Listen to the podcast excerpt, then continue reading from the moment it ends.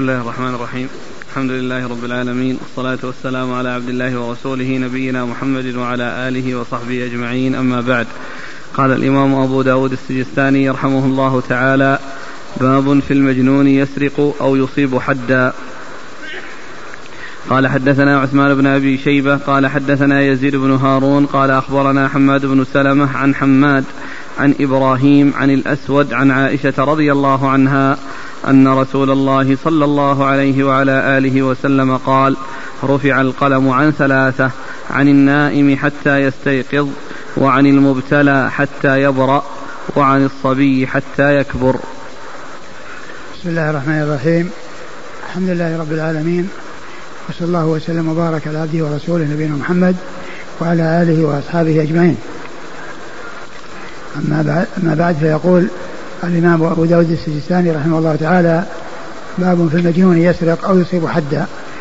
أي ما حكمه؟ هل ير هل آه هل آه يقطع أو هل يقام عليه الحد؟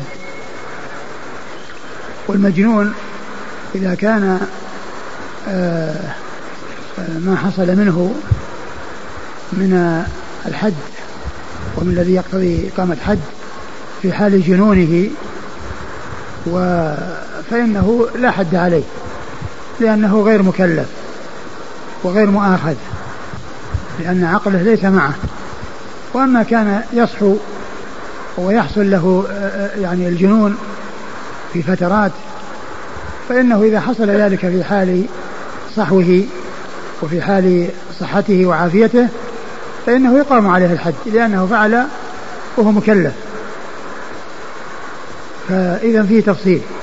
كان حصل في حال جنونه وعدم آه، آه، صحوه فإنه لا يؤاخذ ولا يكلف ولا يقام عليه الحد.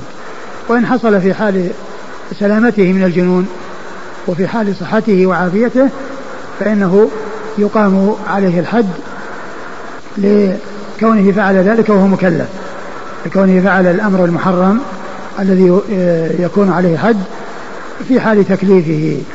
وأما إذا كان في حال جنونه ووقوع ذلك منه في حال آه، فقد عقله بسبب الجنون فإنه لا يقام عليه الحد. أورد أبو داود رحمه الله آه، حديث. عائشة. حديث أم المؤمنين عائشة رضي الله تعالى عنها قالت رفع النبي صلى الله عليه وسلم قالت رفع القلم عن ثلاثة النائم حتى يستيقظ والمبتلى حتى يبرأ والصغير حتى يكبر. نعم. والصغير حتى يكبر يعني حتى يبلغ حتى يصل إلى سن البلوغ. ومعنى رفع القلم يعني أنه رفع آه، آه، آه، الإثم والمؤاخذة عليه في حال صغره وحال جنونه وحال وحال نومه فإنه لا يكون مؤاخذا. وهذا فيما يتعلق بالإثم وما يتعلق بكتابة الشر يعني رفع ذلك عنه فإنه لا يؤاخذ. وأما بالنسبة للثواب وللحسنات فإن ذلك يحصل له كما جاء في حديث المرأة التي رفعت إلى النبي صلى الله عليه وسلم صبيا وقالت ألي هذا حج؟ قال نعم ولك أجر. يعني هو له حج وهي لها أجر لكونها حججته ولكونها آه، آه، أحرمت له وجعلته آه، أو نوت الحج عنه فإن لها أجر بذلك لكونها فعلت هذا الفعل وله أجر حجه وله أجر حجه. وعلى هذا فالرفع يعني المؤاخذة فلا يؤاخذ على ذلك.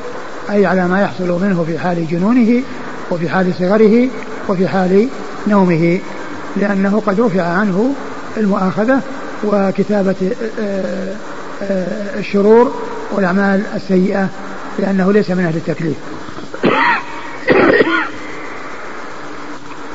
رفع القلم عن ثلاثة النائم حتى يستيقظ والمبتلى حتى يبرأ والصغير حتى يكبر. نعم. قال حدثنا عثمان بن أبي شيبة. عثمان بن أبي شيبة ثقة. أخرج له أصحاب الكتب الستة إلا الترمذي وإلا النسائي فقد أخرج له في عمل اليوم والليلة عن يزيد بن هارون. عن يزيد بن هارون الواسطي وهو ثقة أخرج له أصحاب الكتب الستة. عن حماد بن سلمة. عن حماد بن سلمة بن دينار البصري وهو ثقة أخرجه البخاري تعليقا ومسلم وأصحاب السنن. عن حماد. عن حماد هو بن أبي سليمان وهو صدوق أخرج له صدوق له أوهام صدوق له أوهام أخرجه البخاري في المفرد ومسلم وأصحاب السنن عن إبراهيم. عن إبراهيم بن يزيد بن, يزيد بن قيس النقعي الكوفي وهو ثقة فقيه أخرج له أصحاب الكتب الستة. عن الأسود. عن الأسود بن بن قيس وهو ثقة أخرج له أصحاب الكتب الستة مخضرم أخرج له أصحاب الكتب الستة. عن عائشة. عن عائشة أم المؤمنين رضي الله عنها وأرضاها الصديقة بنت الصديق وهي واحدة من سبعة أشخاص عرفوا بكثرة الحديث عن النبي صلى الله عليه وسلم. قال حدثنا عثمان بن أبي شيبة قال حدثنا جرير عن الأعمش عن أبي ظبيان عن عن ابن عباس رضي الله عنهما أنه قال أتي عمر رضي الله عنه بمجنونة قد زنت فاستشار فيها أناسا فأمر بها عمر أن ترجم فمر بها علي فمر بها على علي رضي ابن أبي طالب رضي الله عنه فقال ما شأن هذه؟ قالوا مجنونة بني فلان زنت فأمر بها عمر أن ترجم قال فقال ارجعوا بها ثم أتاه فقال يا أمير المؤمنين أما علمت أن القلم قد رفع عن ثلاثة؟ عن المجنون حتى يبرأ وعن النائم حتى يستيقظ وعن الصبي حتى يعقل قال بلى قال فما بال هذه ترجم؟ قال لا شيء. قال فأرسلها. قال فأرسلها. قال فجعل يكبر. ثم أورد أبو داود آه، حديث آه، علي.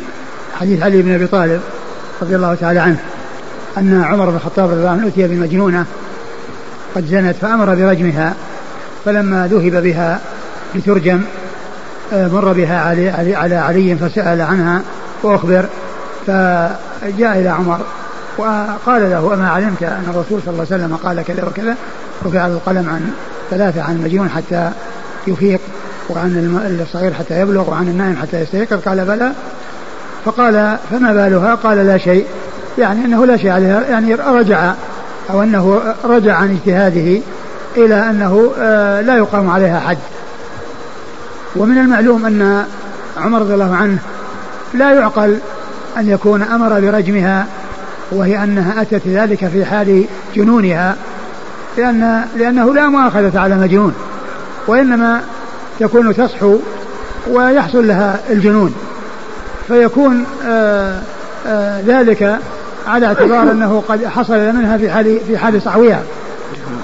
وهذا هو الذي يستحق به آه، إقامة الحد وأما إذا كان في حال الجنون ممن يصحو ويحصل له الجنون يحصل له صحو ويحصل له الجنون فإنه لا يقام عليه الحد إذا حصل آه، فعل المنكر في حال جنونه لأنه غير مكلف وقد رفع عنه القلم ولكنه إذا كان في حال سلامته من الجنون في بعض الأوقات ثم أتى الأمر المنكر فإنه هذا هو الذي يقام عليه الحد هذا هو الذي يقام عليه الحد آه، عمر رضي الله عنه لعل ذلك كان يعني رأى أن هذا كان في حال آه، صحوها وفي حال سلامتها من الجنون وأنه لما آه، جاء بذلك أو جيء بها أو كلمه علي رضي الله عنه بشأنها وقال إن أن أن, أن, أن القلم رفع يعني معناه أن, أن, أن ذلك قد يكون حصل منها في حال جنونها والحدود تدرأ بالشبهات وهذه شبهة فتدرأ بها الحدود فعند ذلك عمر رضي الله عنه قال لا شيء عن لا شيء عليها ثم أرسلها وتركها ولم يحدها.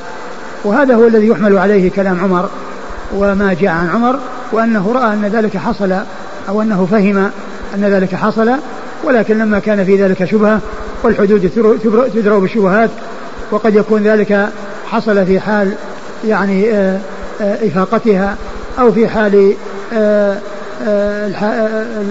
الحالة, الأخيرة من من جنونها وأنها بين بين الجنون وبين الصحو فلم فلما ذكر علي له ذلك ورأى أنه أن هذا مما تدرى به الحدود وترك آه، رجمها وترك إقامة الحد عليها. أقرأ الحديث. قال عن ابن عباس رضي الله عنهما قال أتي عمر بمجنونة قد زنت فاستشار فيها أناسا فأمر بها عمر أن ترجم فمر بها على علي بن أبي طالب رضوان الله عليه فقال ما شأن هذه؟ قالوا مجنونة بني فلان زنت فأمر بها عمر أن ترجم قال فقال ارجعوا بها ثم أتاه فقال يا أمير المؤمنين أما علمت أن القلم قد رفع عن ثلاثة عن المجنون حتى يبرأ وعن النائم حتى يستيقظ وعن الصبي حتى يعقل. قال بلى قال فما بال هذه ترجم؟ قال لا شيء. قال فأرسلها. قال فأرسلها. قال فجعل يكبر.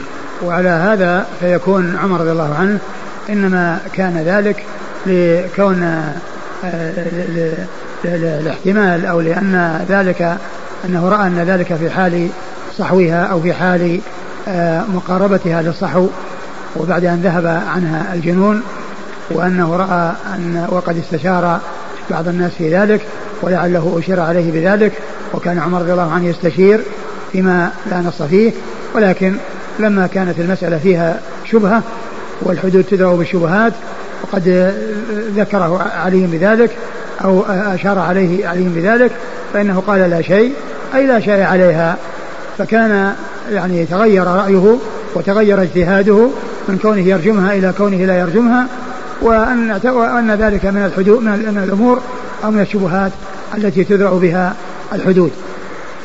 وفي مخاطبة علي رضي الله عنه لعمر بإمرة المؤمنين وقوله يا أمير المؤمنين دليل على ما كان عليه رضي علي رضي الله عنه من آه، الرضا بإمارة أو ولاية الشيخين قبله وكذلك ولاية عثمان قبله وأنه كان يخاطبهم بإمرة المؤمنين وأنه آه، لم يحصل منه شيء يخالف ما هم عليه وأنه وأنه قد أخذ منه شيء وأن الحق كان له ولم لم يكن شيئا من ذلك ولم يطالب علي رضي الله عنه بشيء أخذ له. أخذ منه بل كان آه، يتابعهم ويصلي وراءهم ويغزو معهم ويقوم بالشيء الذي آه، يطلب منه رضي الله تعالى عنه وأرضاه.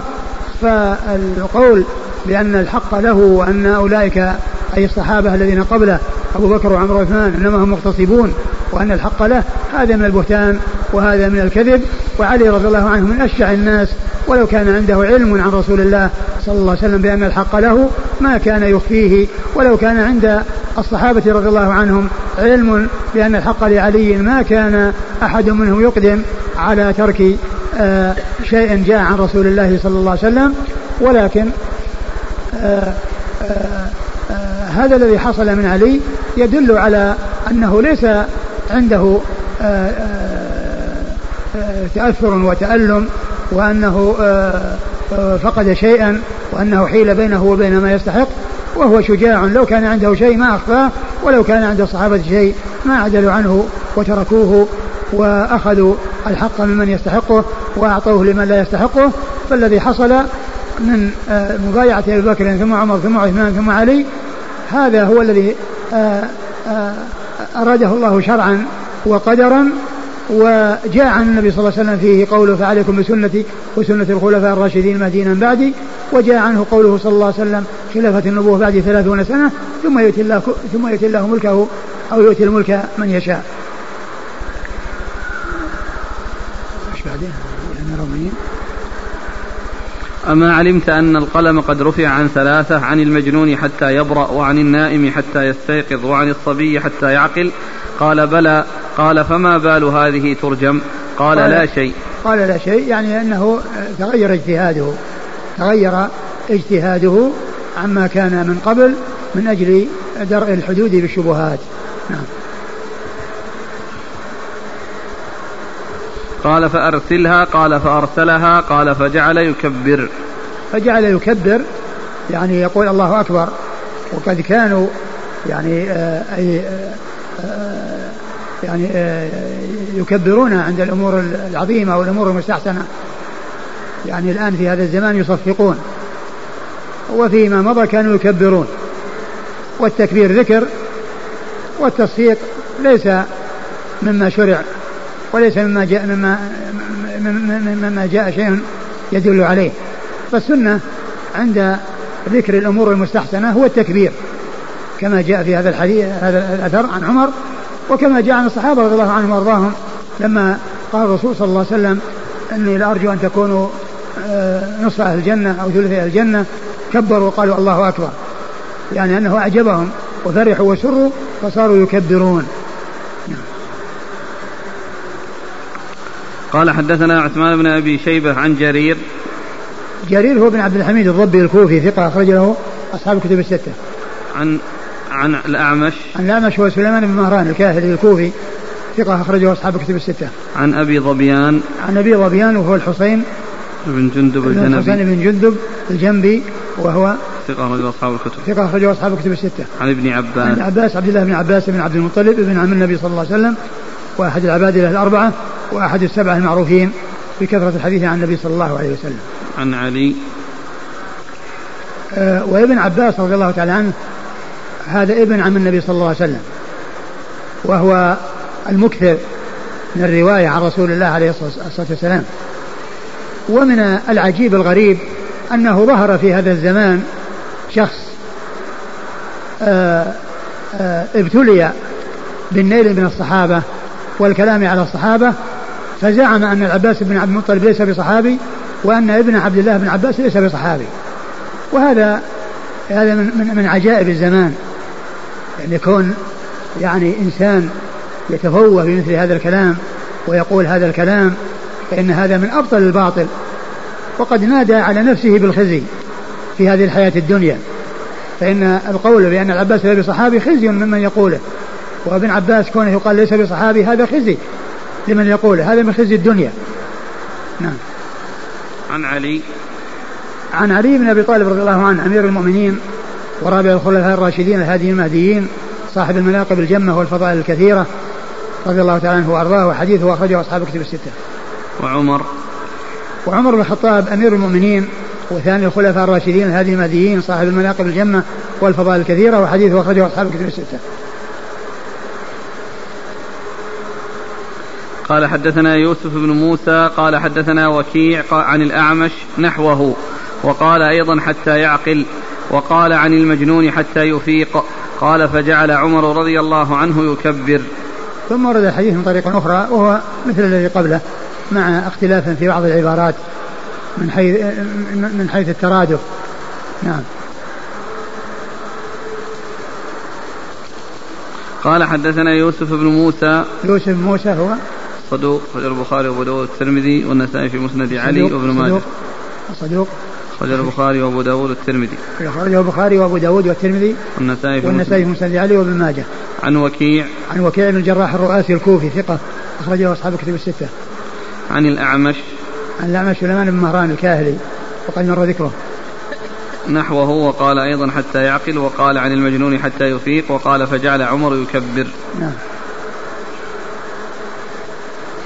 قال حدثنا ابن السرح قال أخبرنا ابن وهب قال أخبرني جرير بن حازم عن سليمان بن مهران عن أبي ظبي عن أبي ظبيان عن ابن عباس رضي الله عنهما أنه قال مر على علي بن أبي طالب رضي الله عنه بمعنى عثمان قال أو ما تذكر أن رسول الله صلى الله عليه وآله وسلم قال رفع القلم عن ثلاثة عن المجنون المغلوب على عقله حتى يفيق وعن النائم حتى يستيقظ وعن الصبي حتى يحتلم قال صدقت قال فخلى عنها. ثم أورد أبو داود الحديث من طريق أخرى وهو مثل الذي قبله. قال حدثنا ابن السرح ابن السرح أحمد بن عمرو بن السرح ثقة أخرج حديث مسلم وأبو داود والنسائي وابن ماجه. عن ابن وهب. عن ابن وهب المصري ثقة أخرجه أصحاب الكتب الستة. عن جرير بن حازم. جرير بن حازم ثقة أخرجه أصحاب الكتب الستة. عن سليمان بن مهران عن أبي ظبيان عن مهران هو الأعمش هنا ذكر باسمه. وفيما مضى ذكر بلقبه. ومن أنواع علوم الحديث معرفة الألقاب للمحدثين وفائدة معرفتها أن لا يظن الشخص الواحد شخصين. إذا ذكر باسمه مرة وذكر بلقبه مرة أخرى يظن أن سليمان المهران غير الأعمش. ومن عرف أن أن الأعمش لقب لسليمان المهران فسواء جاء ذكر الأعمش أو جاء ذكر سليمان المهران عرف أنه شخص واحد ذكر مرة باسمه ومرة بلقبه. فإذا فائدة معرفة الألقاب أن لا يظن الشخص الواحد شخصين لأن الذي ما يعرف يظن الأعمش رجل وأن سليمان المهران رجل آخر. ومن عرف أن الأعمش لقب لسليمان المهران عرف أنه شخص واحد ذكر مرة باسمه ومرة بلقبه. عن أبي ظبيان عن ابن عباس عن علي وعمر. وقد مر ذكرهم. قال حدثنا هناد عن أبي الأحوص قال حا وحدثنا عثمان بن أبي شيبة قال حدثنا جرير المعنى عن عطاء بن السائب عن أبي ظبيان قال هناد الجنبي قال أتي عمر رضي الله عنه بامرأة قد فجرت فأمر برجمها فمر علي رضي الله عنها فأخذها فخلى سبيلها فأخبر عمر قال ادعوا لي عليا. فجاء علي رضي الله عنه فقال يا أمير المؤمنين لقد علمت أن رسول الله صلى الله عليه وعلى آله وسلم قال رفع القلم عن ثلاثة عن الصبي حتى يبلغ وعن النائم حتى يستيقظ وعن المعتوه حتى يبرأ وإن هذه معتوهة بني فلان لعل الذي أتاها أتاها وهي في بلائها. قال فقال عمر لا أدري. فقال علي رضي الله عنه وأنا لا أدري. ثم ورد أبو داود الحديث من طريق أخرى في قصة المرأة المجنونة التي زنت. وفيه أن علي رضي الله عنه قال لعل الذي أتاها أتاها في حال آه، يعني بلائها يعني في حال جنونها كونها مبتلاه لأنها تصحو وتفيق تصحو ويحصل لها الجنون تجن وتصحو. فلعله حصل في حال جنونها. ومعنى ذلك أنها غير مكلفة. فقال علي عمر لا أدري أنه حصل في حال جنونها. وقال ثم قال علي لا أدري أنه حصل في في في حال صحوها. وإذا فالمسألة يعني محتملة وإذا هي شبهة والحدود تدرأ بالشبهات. والحدود تدرأ بالشبهات فترك عمر رضي الله عنه آه، آه، إقامة الحد عليها. نعم. قال حدثنا هناد هناد بن السري أبو السري ثقة أخرج حديثه البخاري في خلق العباد ومسلم وأصحاب السنن.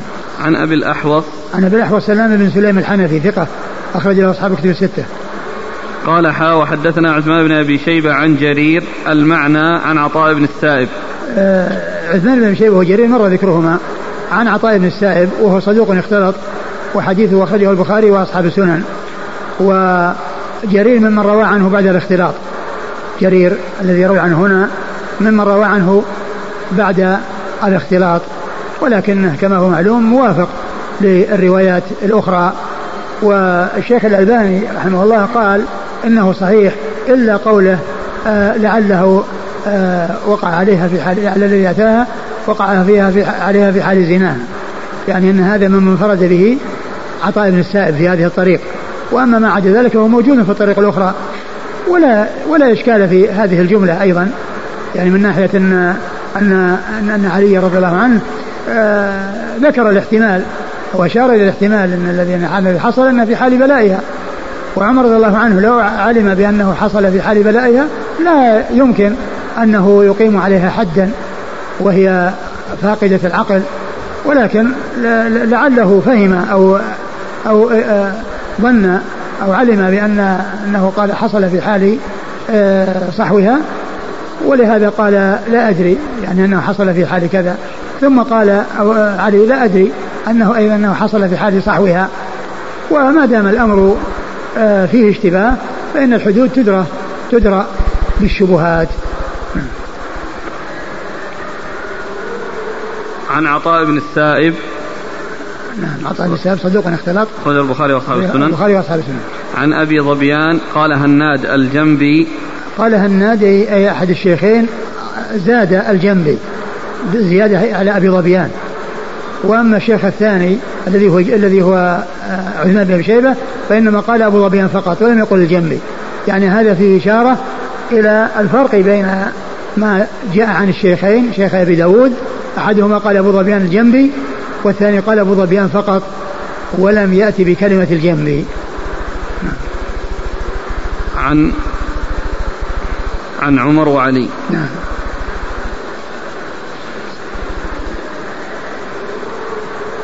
اللي هو علي؟ اللي هو علي؟ نعم هو لعل المقصود إنه خلى سبيلها أنه يعني آآ آآ على ما جاء في الروايات السابقة أنه أنه آآ حال بينها وبين القتل. ويمكن أنه قال اتركوها اتركوها يعني لا يعني لا لا تقتلوها أو لا ترجموها. و واذا كان المقصود أنه يعني أمر بإطلاقها وأنه في نكارة. أقول في نكارة لأنه معناه انه تصرف يعني تصرف دون الرجوع للامام ولكن الذي مر في الرواية السابقة أنه جيء بها أو أنه قال لا ترجموها فيمكن أن يكون انه أرسلها ويمكن أنه المقصود ذلك أنه كونه قال لا ترجموها وأنه حال بينها وبين الرجم ففي ذلك يعني أن هذا يكون هو الإرسال. إذا كان الأمر كذلك فلا إشكال. وإن كان المقصود أنه أطلقها وتركها دون أن يصل إلى الإمام ودون مراجعة الإمام فهذا لا شك فيه نكارة. لكن الألباني الذي أنكره ما الكلام الأخير الذي يقوله لعله أتاها. لعله أتاها وهي في حال بلائها أي في حال جنونها.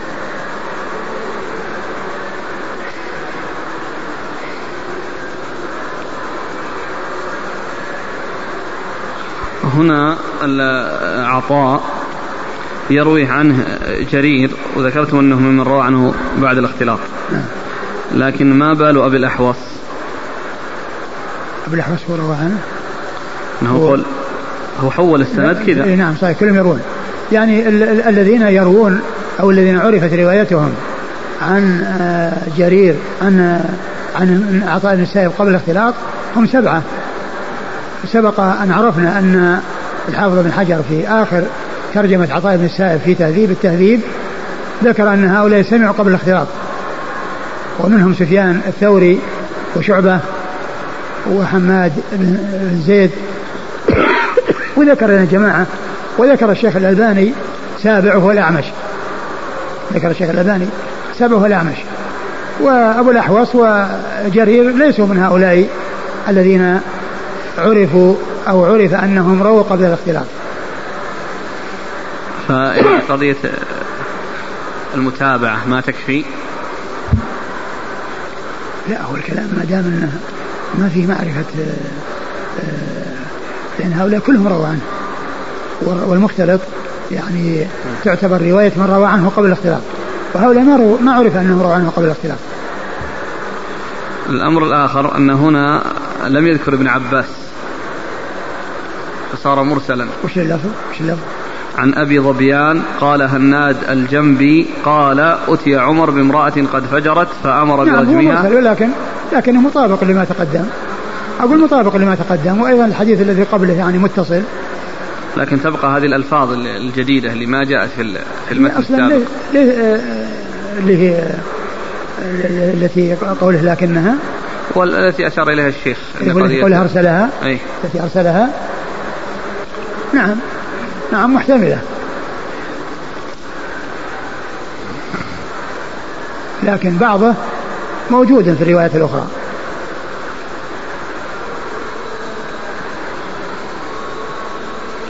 قال حدثنا موسى بن إسماعيل قال حدثنا وهيب عن خالد عن أبي الضحى عن علي رضي الله عنه عن النبي صلى الله عليه وعلى آله وسلم قال رفع القلم عن ثلاثة عن النائم حتى يستيقظ وعن الصبي حتى يحتلم وعن المجنون حتى يعقل.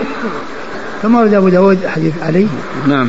رضي الله عنه أن النبي صلى الله عليه وسلم قال رفع القلم النبي صلى الله عليه وسلم قال رفع القلم عن ثلاثة عن النائم حتى يستيقظ والمجنون حتى والصغير حتى يحتلم والمجنون حتى يعقل. يعقل. وهو هو مثل ما تقدم وهو الذي جاء عن علي رضي الله عنه ذكره لعمر وتذكيره لعمر به. نعم. قال حدثنا موسى بن إسماعيل. موسى بن إسماعيل التبوذكي ثقة أخرجه أصحاب الكتب الستة. عن وهيب. وهيب بن خالد ثقة أخرجه أصحاب الكتب الستة. عن خالد. عن خالد بن الحذاء خالد بن يزيد خالد, خالد بن مهران الحذاء. وهو ثقة أخرجه أصحاب الكتب الستة. عن أبي الضحى عن أبي الضحى وهو مسلم بن صبيح وهو ثقة أخرجه أصحاب الكتب الستة. عن علي عن علي رضي الله عنه وقد مر ذكره. يقول أنه منقطع أبو الضحى لم نعم يدرك أبو الضحى نعم ولكن يعني كما هو معلوم الأحاديث التي مرت هي بمعناه قال أبو داود رواه ابن جريج عن القاسم بن يزيد عن علي رضي الله عنه عن النبي صلى الله عليه وآله وسلم زاد فيه والخرف. آه ثم أورد أبو داود آه آه طريقا معلقة فقال رواه ابن جريج عن القاسم بن يزيد عن علي رضي الله عنه عن النبي صلى الله عليه وسلم زاد فيه والخرف. والخرف يعني الذي بلغ من الكبر. ما آه، حصل منه آه، آه، الخرف والتخريف وهو أنه يعني عقله يعني لا يكون معه ولكنه هو ليس بجنون ولكنه للهرم والكبر صار لا يعقل بسبب الهرم والكبر من غير أن يكون به جنون. فإذا حكمه حكم المجنون وهو مماثل له. فإذا حصل منه شيء فهو في حال خرفه لا يقام عليه حد كالمجنون. وإن كان يحصل له الإفاقة ويحصل له آه، يعني البلاء في هذا في أحيان وهذا في أحيان فما كان في حال خرفه لا يعني آه، آه، يؤاخذ وما كان في حال رجوع عقله ورجوع ذاكرته إليه وأنه في صحته وعافيته فإنه يؤاخذ كما يؤاخذ المجنون لو ثبت أنه حصل في أنه حصل في حال صحوه. قال أبو داود رواه ابن جريج. ابن جريج عبد الملك بن عبد العزيز بن جريج المكي ثقة أخرجه أصحاب الكتب الستة. عن القاسم بن يزيد. عن القاسم بن يزيد وهو مجهول. أخرج ابن ماجه. أخرج له ماجه. عن علي. عن علي رضي الله عنه.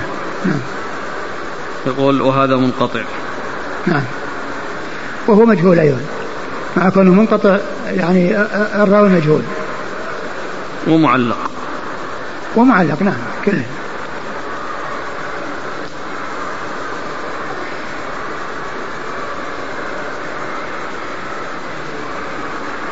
قال رحمه الله تعالى باب في الغلام يصيب الحد.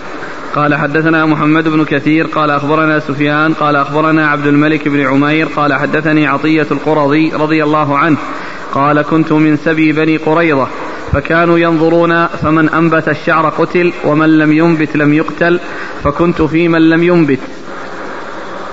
ثم ورد أبو داود باب في الغلام يصيب حدا. نعم. باب في الغلام يصيب حدا. الغلام الصغير الذي لم يبلغ. فإنه لا يقام عليه الحد. كما سبق أن مر في المجنون لأنه أحد الثلاثة الذين رفع عنهم القلم فهو غير مكلف ولا يؤاخذ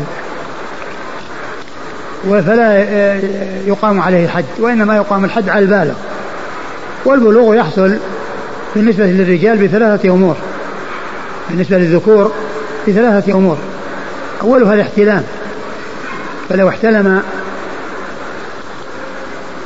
في سن مبكرة فإن احتلامه يدل على بلوغه وأنه قد بلغ بذلك. وبعض الصغار يحتلمون في سن مبكرة كما جاء في عن المغيرة بن مقسم الضبي احتلم وهو ابن 13 سنة قيل عن عن عمرو بن العاص أنه أكبر من أبيه من ابنه عبد الله بثلاث عشر سنة لأنه ولد له ابنه عبد الله وعمره ثلاث عشرة سنة. وذكر أيضا أنه أن عن الشافعي أنه قال هناك جدة عمرها واحد وعشرون سنة. جدة عمرها واحد وعشرون سنة. يعني فيحصل الاحتلام قبل سن الخامسة عشر. فإذا وجد الاحتلام قبل سن الخامسة عشر وقبل يعني آه، قبل هذه السن فإنه يكون بالغا بذلك. وكذلك إذا نبت شعر خشن عند القبل فإنه يكون علامة على البلوغ ويدل على أن صاحبه قد بلغ. وكذلك الأمر الثالث إذا بلغ خمس عشرة سنة لم يحصل منه يعني آه، احتلام ولم يحصل منه إنبات شعر فإنه بتمام خمس عشرة سنة يكون قد بلغ الحلم وحصل البلوغ وتجاوز سن الصغر. والمرأة تزيد على هذه الأمور الثلاثة الحيض. إذا حصل لها الحيض فإنها فإن قبل أن تبلغ الخامسة عشرة سنة فإنها تكون قد بلغت بذلك. أورد أبو داود حديث عطية القرظي حديث حديث عطية القرظي رضي الله عنه. وكان في سبي بني قريظة. ومعلوم أن النبي صلى الله عليه وسلم أن بني قريظة نزلوا على حكم سعد بن معاذ ومعاذ حكم سعد بن معاذ حكم بأن تقتل المقاتلة وتسبب ذرية. والنبي صلى الله عليه وسلم قال لقد حكمت فيهم بحكم الملك يعني بحكم الله. فلمعرفة من بلغ ومن لم يبلغ ما يسألونهم عن عن السن لأنه غير مأمونين على بيان بيان السن. اللي هم اليهود. ليسوا مأمونين يكذبون. ما لو يعني سئلوا قالوا عمره خمسة عشر سنة يعني معناه أنه أنه عمره دون خمسة عشر سنة يعني معناه أنه يسلم من القتل. وقد يدعون هذه الدعوة ويقولون هذه المقالة من أجل أن يسلموا من القتل بأن يكون الشخص الواحد يصغرونه ويذكرون له سنا صغيرا لا يصل إلى حد البلوغ. فكانوا يبحثون أو يفتشون عن يعني عن عوراتهم فإذا وجدوا الشعر قد نبت اعتبروه من المقاتلة فقتل. وإذا كان لم ينبت اعتبروه من الذرية فصار سبيا. فقال عطية رضي الله عنه ففتشوا ووجدوه أنه لم ينبت فتركوه ولم يقتلوه فصار من السبي. وعلى وقد أورد أبو داود حديث عطية وهو يدل على أن البلوغ يحصل بنبات الشعر الخشن الذي يكون حول القبل نعم. قال حدثنا محمد بن كثير. محمد بن كثير آه، آه، العبدي ثقة أخرج له أصحاب الكتب الستة. عن سفيان. عن سفيان هو الثوري، سفيان بن سعيد المسروق الثوري ثقة. أخرج له أصحاب الكتب الستة. عن عبد الملك بن عمير. عبد الملك بن عمير ثقة أخرج له أصحاب الكتب الستة. عن عطية القرظي. عن عطية القرظي رضي الله عنه وهو صحابي صغير أخرج له. أصحاب السنن. أخرج له أصحاب السنن. وهذا رباعي من أعلى الأسانيد عند أبي داود.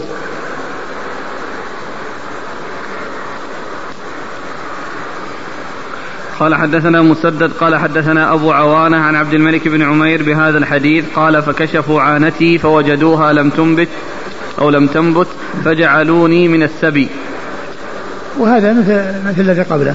قال حدثنا مسدد. مسدد بن مسرهد البصري ثقة أخرجه البخاري وأبو داود والترمذي والنسائي. عن أبي عوانة. عن أبي عوانة الوضاح بن عبد الله اليشكري ثقة أخرج له أصحاب الكتب الستة. عن عبد الملك بن عمير. عن عبد الملك بن عمير مر ذكره قال حدثنا أحمد بن حنبل قال حدثنا يحيى عن عبيد الله قال أخبرني نافع عن ابن عمر رضي الله عنهما أن النبي صلى الله عليه وعلى آله وسلم عرضه يوم أحد وهو ابن أربع عشرة سنة فلم يجزه وعرضه يوم الخندق وهو ابن خمس ابن خ وهو ابن خمس عشرة سنة فأجازه. وهذا يدل على أن بلوغ خمس عشرة سنة يكون معها البلوغ. ويدل على حرص الصحابة رضي الله عنهم وأرضاهم على الجهاد في سبيل الله. الصغير يرغب الجهاد ولكنه إذا لم يبلغ لا يمكنونه من ذلك. فقد يعني عرض على رسول الله صلى الله عليه وسلم عبد الله بن عمر وعمره 14 14 سنة فلم يجزه. وعرض عليه وعمره 15 سنة فأجازه. فدل على أن البلوغ يكون بلوغ خمس عشرة سنة. والحديث الأول يدل على أن البلوغ يكون بالإنبات وهذا يدل على أن البلوغ يكون بهذه السن. بدخولها أو بانتهائها؟ الذي يظهر أنه يكون بانتهائها أو بتمامها قال حدثنا أحمد بن حنبل. أحمد بن محمد بن حنبل الشيباني ثقة فقيه أخرجه أصحاب كتب الستة. عن يحيى. عن يحيى ابن سعيد الأنصار يحيى بن سعيد القطان ثقة. أخرجه أصحاب كتب الستة. عن عبيد الله عن عبيد الله بن عمر العمري المصغر ثقة أخرجه أصحاب كتب الستة. عن نافع مولى بن عمر وهو ثقة أخرجه أصحاب كتب الستة. عن عبد الله بن عمر رضي الله عنهما الصحابي الجليل وأحد العباد الأربعة من الصحابة وأحد السبع المعروفين بكثرة الحديث عن النبي صلى الله عليه وسلم. أن النبي صلى الله عليه وسلم عرضه يوم أحد وهو ابن أربع عشرة سنة فلم يجزه وعرضه يوم الخندق وهو ابن خمس عشرة نعم سنة خمس عشرة سنة لا أربع عشر وخمس عشر. أربع عشرة لفظ؟ لا أنا ما أسأل عن أنا أسأل عن الأحد والخندق. أحد يعني آه، آه، يقال أنها في السنة الثالثة والخندق في السنة الخامسة. ولعل ذلك أنه يعني كان في آه، يعني في آخر في أول هذه وفي آخر هذه. كان عرض في الأول وهو في آخر هذه. وعرض في الأول وهو في أول هذه فكان الفرق يعني سنة واحدة يكون بها خمسة عشر سنة. قال حدثنا عثمان بن أبي شيبة قال حدثنا ابن إدريس عن عبيد الله بن عمر قال قال نافع حدثت. حدثت. حدثت نعم حدثت بهذا الحديث. هذا الحديث. حدثت بهذا الحديث عمر بن عبد العزيز فقال إن هذا الحد إن هذا الحد بين الصغير والكبير. إن هذا الحد. إن هذا الحد بين الصغير والكبير. ثم ورد أبو داود الحديث من طريق أخرى وفيه أن نافع حدث به عمر بن عبد العزيز رحمة الله عليه فقال إن هذا الحد بين الصغير والكبير. يعني بلوغ خمس عشرة سنة. بلوغ خمس عشرة سنة. قال حدثنا عثمان بن أبي شيبة عن ابن إدريس. ابن إدريس عبد الله بن إدريس. ثقة أخرجه أصحاب كتب الستة. عن عبيد الله بن عمر عن نافع. عن عبيد الله بن عمر عن نافع وقد مر ذكرهما. قال باب في الرجل يسرق في الغزو أيقطع قال حدثنا أحمد بن صالح قال حدثنا ابن وهب قال أخبرني حيوة بن شريح عن عياش بن عباس القتباني عن شييم بن بيتان ويزيد بن صبح الأصبحي عن جنادة بن أبي أمية قال كنا مع بث بن أرطاه رضي الله عنه في البحر فأتي بسارق يقال له مصدر. قد سرق بخت بختيا. قد سرق قد سرق بختية. فقال قد سمعت رسول الله صلى الله عليه وآله وسلم يقول لا تقطع الأيدي في السفر ولولا ذلك لقطعته. داود باب في في الرجل يسرق في الغزو أيقطع. باب في الرجل يسرق في الغزو أيقطع. آه هذه الترجمة يعني هي معقودة لبيان من حصل منه ذلك هل يقطع أو لا يقطع. ولهذا أتى بها على الاستفهام أيقطع أو لا يقطع. و و وكونه يعني في الغزو آه يعني آه الحديث جاء بأنه لا يقطع. وعدم القطع فيه لاحتمالين. أحدهما أنه آه، قد ان فيه شبهة. وذلك أن قد يكون السرقه من الغنيمة. والغنيمة للإنسان فيها نصيب. والحدود تدرأ بالشبهات. والأمر الثاني أن قطعه قد يلحقه بالكفار. وقد يعني يغره الشيطان ويلعب عليه الشيطان فيلحق بالكفار فيكون ذلك سببا في آه، ترديه وفي آه، يعني بعده ولحقه بالكفار. فمن أجل ذلك يعني جاء ما يدل على أن على أنه لا يقطع لهذه الاحتمالات. أقرأ الحديث مرة ثانية. يقول عن جنادة بن أبي أمية نعم. قال كنا مع بسر بن أرطاه في البحر فأتي بسارق يقال له مصدر. قد سرق بختية فقال قد سمعت رسول الله صلى الله عليه وآله وسلم يقول لا تقطع الأيدي في السفر ولولا ذلك لقطعته. وهذا يعني آآ آه، آآ آه، آه، مبنيا على لعله كان يعني في غزو والترجمة يعني كما هو معلوم في الغزو ومعلوم الغزو لا يكون إلا في السفر والغالب أنه يكون في السفر. وهنا جاء ذكر السفر. ويحتمل أن يكون ذلك في غزو. وفيه أن أن بشر بن أرطاد رضي الله عنه أتي برجل قد سرق بختية. والبختية هي يعني الناقة يعني من من, من نوع من الإبل. آه، تكون يعني من ليست من الإبل المعروفة وإنما هي البخاتي. التي تكون يعني تأتي من من العجم كما قال من خراسان. ف آه، فقال لولا لا تقطع الأيدي في السفر ولولا ذلك لقطعته قال النبي صلى الله عليه وسلم لا تقطع الأيدي في السفر. قال ولولا ذلك لقطعتك. لقطعته أو قطعتك. لقطعته. لقطعته. ولولا ذلك لقطعته. و ولعل يعني ذلك أنه كان كما عرفنا في الغزو. وأما ما يتعلق بالسفر كل إنسان يعني في سفر أو في حضر معلوم ان أن الحقوق الحقوق, الحدود تقام على من كان حاضرا ومن كان مسافرا. سواء كان حصل منه وهو مسافر أو حصل منه وهو مقيم فإن الحدود تقام عليه. ولكن فيما يتعلق بالغزو يعني فيه تلك الاحتمالات. قد يكون السرقة من الغنيمة وله فيها نصيب والحدود شبهات وقد أو أنه يلحق بالكفار والناس يعني قد غزوا الكفار وذهبوا إليهم وقد يكون ذلك سببا في اللحوق بهم. قال حدثنا أحمد بن صالح. أحمد بن صالح ثقة أخرجه البخاري وأبو داود والترمذي في الشمائل. عن ابن وهب. عن وهب مر ذكره. عن حيوة بن شريح. عن حيوة بن شريح المصري وهو ثقة أخرجه أصحاب كتب الستة. وحيوة بن شريح اثنان أحدهما الحمصي والثاني المصري. فالحمصي هو الذي في من شيوخ أبي داود. عندما يأتي في شيوخ أبي داود حدثنا حيوة بن شريح فالمقصود به الحمصي وعندما يأتي بينه وبينه واسطتان أو واسطة فالمراد به المصري الذي هو حيوة بن شريح هذا وهو ثقة أخرج له أصحاب كتب الستة. عن عياش بن عباس القتباني. عن عياش بن عباس القتباني وهو ثقة أخرج له. البخاري في جزء القراءة ومسلم وأصحاب السنن البخاري في جزء القراءة ومسلم وأصحاب السنن عن شييم بن بيتان عن شييم بن بيتان وهو ثقة أخرج أبو داود والترمذي والنسائي. ثقة أخرج أبو داود والترمذي والنسائي. ويزيد بن صبح الأصبحي. ويزيد بن صبح ويزيد نعم. ابن صبح الأصبحي وهو مقبول أخرجه أبو داود. مقبول أخرج له أبو داود. عن جنادة بن أبي أمية. عن جنادة بن أبي أمية وهو مختلف في صحبته أخرج أصحاب الكتب. مختلف في صحبته أخرج أصحاب الكتب الستة. عن بسر بن أرطات رضي الله عنه هو صحابي أخرج له أبو داود والترمذي والنسائي. أبو داود والترمذي والنسائي.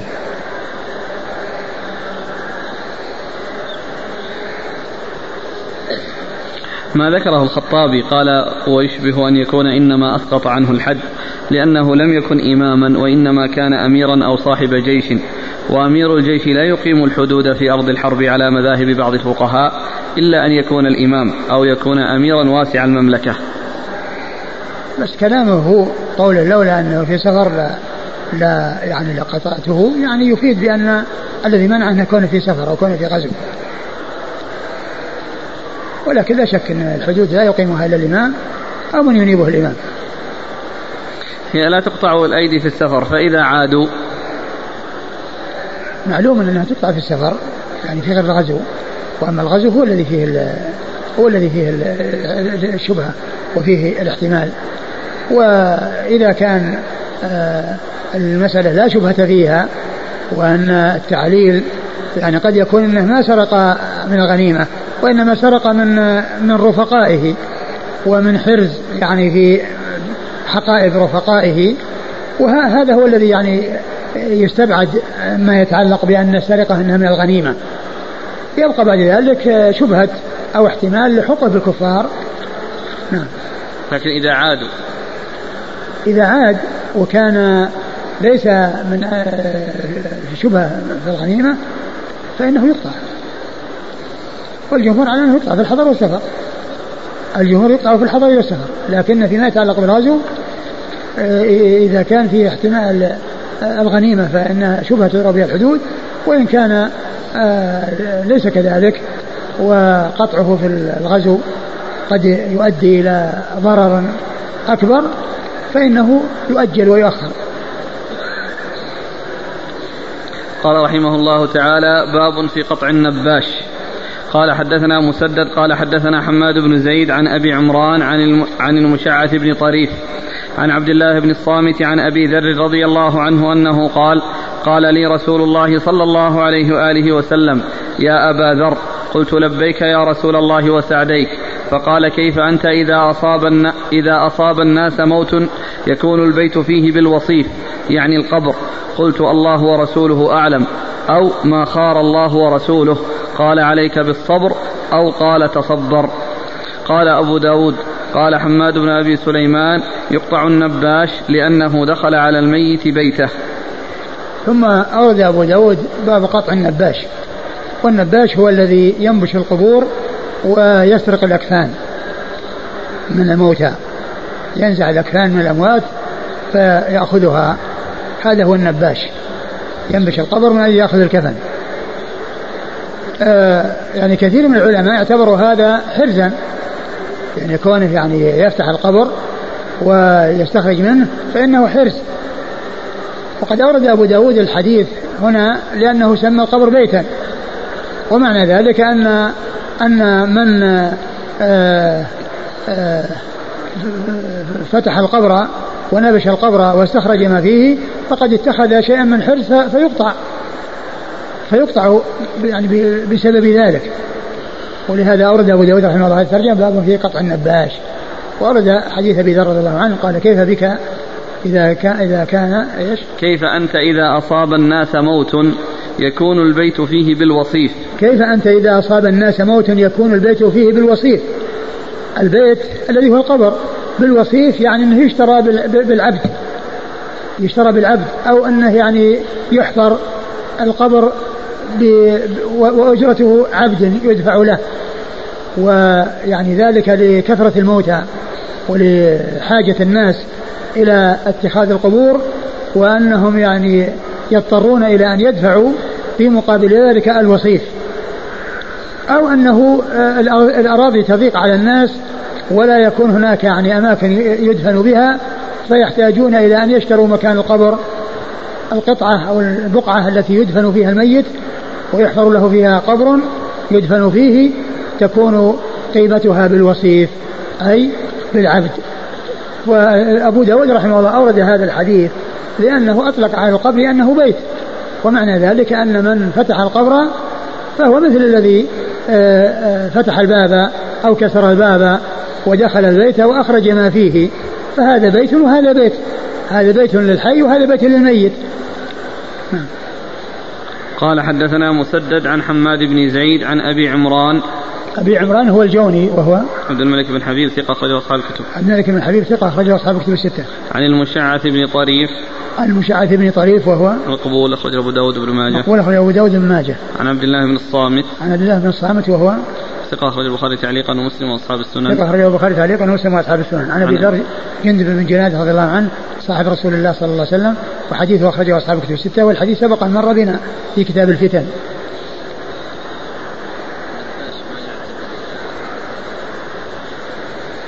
يعني آه، أقول هذا عنده موت قلب. أقول الذي يفعل هذا يعني ينبش القبور من أجل أن يحصل الأكفان يعني هذا يدل على قساوة قلب وعلى موت قلب والعياذ بالله.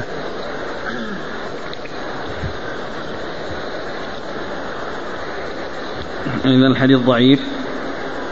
الحديث سبق أن مر بنا أنه صحيح. بس ما ما أذكر وش وش وجهه يعني مع أنه مقبول يعني فيه مقبول. والألباني صحها إحنا فيما مضى. نعم صحح. نعم. قال أبو داود قال حماد بن أبي سليمان يقطع النباش لأنه دخل على الميت بيته. نعم دخل على الميت بيته يعني فأخذ كفنه. والبيت القبر هو بيت الميت كما أن القصر أو البنيان الذي يسكنه الإنسان بيت الحي. وقد سبق أن ذكرت في تلك المناسبة الكلام الذي ذكره بعض العلماء ناصحا بعض الولاة حيث قال له فاعمر قبرك كما عمرت قصرك. فاعمر قبرك كما عمرت قصرك. فقوله ذلك الوالي العالم الناصح لذلك الوالي أعمر قبرك كما عمرت قصرك أي أعمره بالأعمال الصالحة التي تفعلها تعملها في هذه الحياة الدنيا حتى تلقاها بعد الموت. فهذه عمارة القبور. عمارة القبور تكون بالأعمال الصالحة لأن الإنسان يعني يجد عمله أمامه كما جاء في الحديث يتبعه ثلاثة فيرجع اثنان ويبقى واحد. يتبعه أهله وماله ويبقى عمله فيرجع اثنان ويبقى واحد اللي هو العمل. فيبقى عمله ويجد الثواب على ذلك في قبره قبل يوم البعث والنشور كما جاء في حديث البراء أنه إذا كان من الموفقين يفتح له باب من الجنة فيأتي من روحها ونعيمها فيكون كذلك حتى تقوم الساعة. نعم. قال, قال رحمه الله تعالى باب في السارق يسرق مرارا. والله تعالى أعلم وصلى الله وسلم وبارك على عبده ورسوله نبينا محمد وعلى آله وأصحابه أجمعين. جزاكم الله خيرا وبارك الله فيكم ونفعنا الله بما قلتم.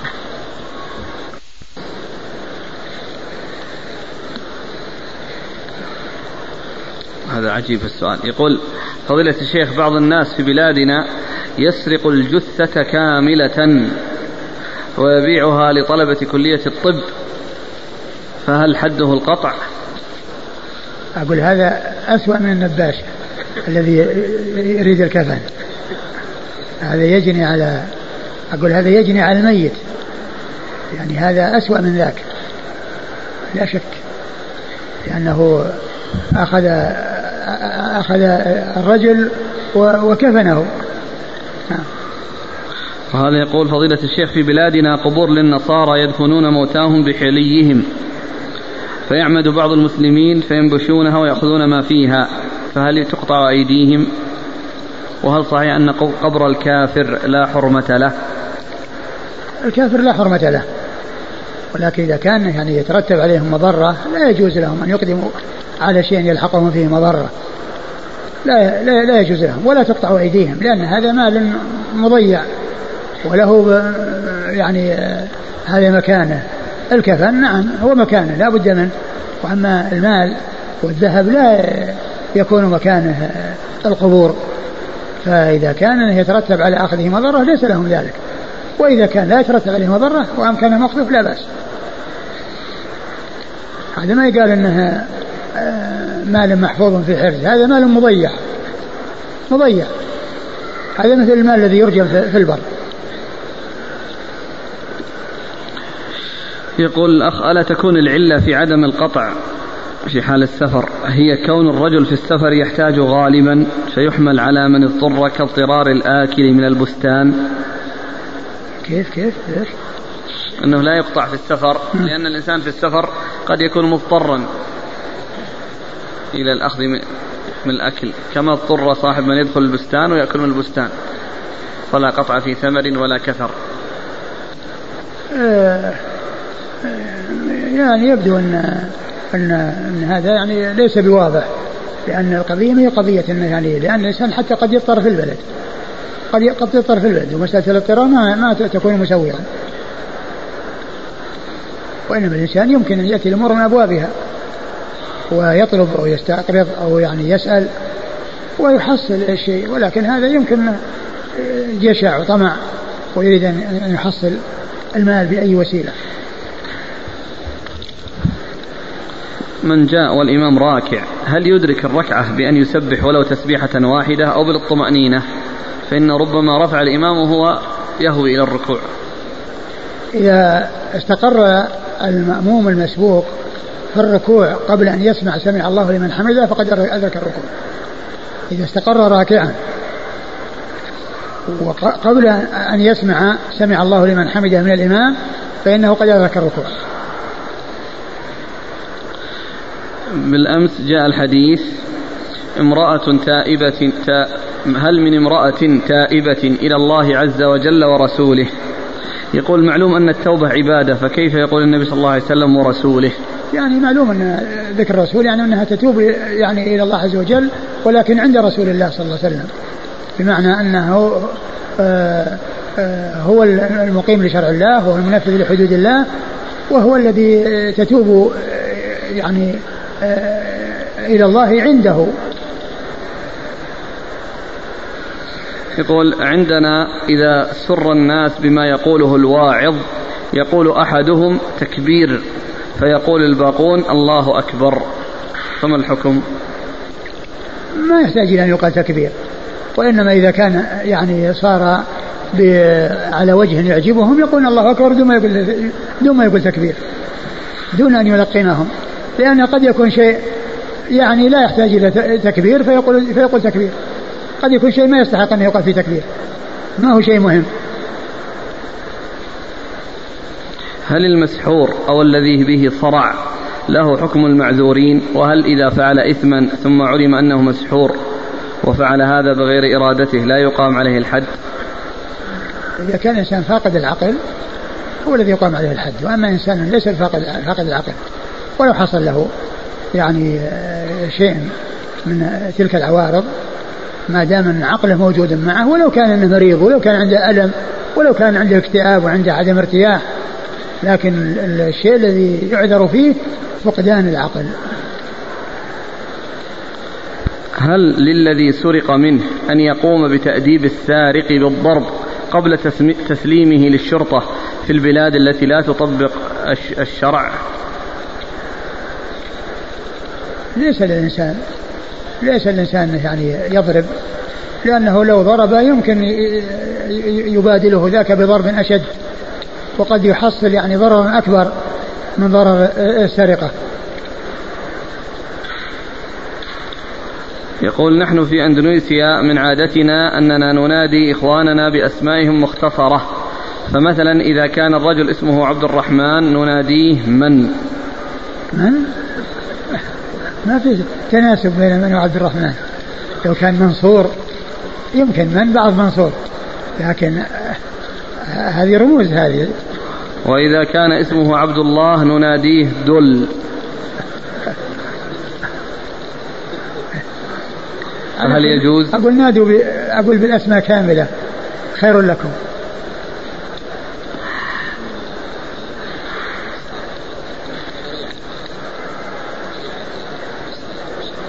أنا أقول يترتب عليه مضرة إذا كان يترتب عليه مضرة لا يجوز.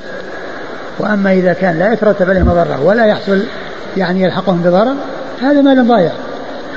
أقول مال ضائع. كالمال الذي يلقى في البر الإنسان له أن يأخذه. يعني مو مال محفوظ هذا مو مال محفوظ لو كان المال محفوظ نعم قال انه حفظ لكن هذا مال مضيع. الصبي. إذا فعل محذور محذورات آه، الإحرام في الحج أو في العمرة هل يجب عليه ما يجب على المكلف أو يجب على وليه؟ لا يجب على وليه يجب على وليه أنه يقوم يعني بما يلزم له كما يقوم بما يلزم عن نفسه هو لأنه هو الذي آه يعني آه جعله يدخل في هذا النسك أو مكنه من الدخول في النسك. جزاكم الله خيرا وبارك الله فيكم ونفعنا الله ما قلت. بسم الله الرحمن الرحيم. الحمد لله رب العالمين. والصلاة والسلام على عبد الله ورسوله نبينا محمد وعلى آله وصحبه أجمعين. أما بعد قال الإمام أبو داود السجستاني رحمه الله تعالى باب في السارق يسرق مرارا. قال حدثنا محمد بن عبد الله بن عبيد بن عقيل الهلالي قال حدثنا قال حدثنا جدي عن مصعب بن ثابت بن عبد الله بن الزبير عن محمد بن المنكدر عن جابر بن عبد الله رضي الله عنهما أنه قال جيء بسارق إلى النبي صلى الله عليه وعلى آله وسلم فقال اقتلوه. فقالوا يا رسول الله إنما سرق. قال فقال اقطعوه. قال فقطع ثم جيء به الثانية فقال اقتلوه. فقالوا يا رسول الله إنما سرق. فقال اقطعوه. قال فقطع ثم جيء به الثالثة فقال اقتلوه. فقالوا يا رسول الله إنما سرق. فقال اقطعوه. ثم أتي به الرابعة فقال اقتلوه. فقالوا يا رسول الله إنما سرق. قال اقطعوه. فأتي به الخامسة فقال اقتلوه. قال جابر فانطلقنا به فقتلناه ثم اجتررناه فألقيناه في بئر ورمينا عليه الحجارة. بسم الله الرحمن الرحيم. الحمد لله رب العالمين وصلى الله وسلم وبارك على عبده ورسوله نبينا محمد وعلى آله وأصحابه أجمعين أما بعد. يقول الإمام أبو داود السجستاني رحمه الله تعالى باب في السارق يسرق مرارا يعني يتكرر منه السرقه تتكرر منه السرقه و وإذا تكررت السرقة من من من السارق ففي المرة الأولى تقطع يده اليمنى وفي المرة الثانية تقطع رجله اليسرى. وبعد ذلك قال بعض العلم إنه يحبس ويسجن. وبعضهم قال إنه إذا عاد إلى الثالثة تقطع اليد اليسرى وإذا عاد الرابعة قطعت رجله اليمنى ثم إن عاد فإنه يسجن أو يجلد ف أبو داود رحمه الله أورد في هذا الباب حديث جابر أن النبي صلى الله عليه وسلم أتي بسارق فقال اقتلوه. قال إنما سرق قالوا إنما سرق. قال يقطعوه فقطعوا يده اليمنى. ثم قال أتي به سرق مرة أخرى فقال اقتلوه, فقالوا إنما إنما سرق قال يقطعوه فقطع ثم هكذا حتى جاء الرابعة وقطع وفي الخامسة قال اقتلوه قال فقتلوه وسحبوه ورموه في بئر وألقوا عليه الحجارة. هذا الحديث آه، في متنه نكارة وفي إسناده ضعف. أما الضعف الذي في إسناده فإن مصعب بن ثابت بن الزبير بن عبد مصعب بن ثابت. بن عبد الله بن الزبير. مصعب بن عبد الله. مصعب بن ثابت. مصعب بن ثابت بن عبد الله بن الزبير. هذا لين الحديث. والذي في متنه أن يعني من جهة أن النبي صلى الله عليه وسلم أمر بقتله في المرة الأولى. وقالوا إنما سرق. فقال يقطعوه ومعلوم أن أن أنهم لما قالوا إنما سرق أولا قيل بسارق. فأمر بقتله ثم قيل إنما سرق قال اقطعوه ثم تكرر ذلك أربع مرات. وهم يقطعون وفي الآخر قال يقتلوه فقتلوه وأرموه أرموه في بئر وألقوا عليه الحجارة. فالنكارة فيه من جهة أنه من أول وهلة قال اقتلوه ثم قيل إنما سرق فقال اقطعوه. ثم تكرر ذلك أربع مرات وفي كلها يأمر بالقتل فيقولون إنما سرق ثم بعد ذلك آه، يأمر بالقطع.